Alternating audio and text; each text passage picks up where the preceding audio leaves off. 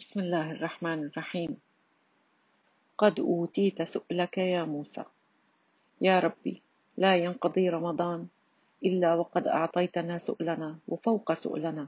يا ربي غفران ذنوب وستر عيوب وتفريج هموم وتنفيس كروب وقضاء ديون وشفاء مرضى. يا ربي وشفاء مرضى.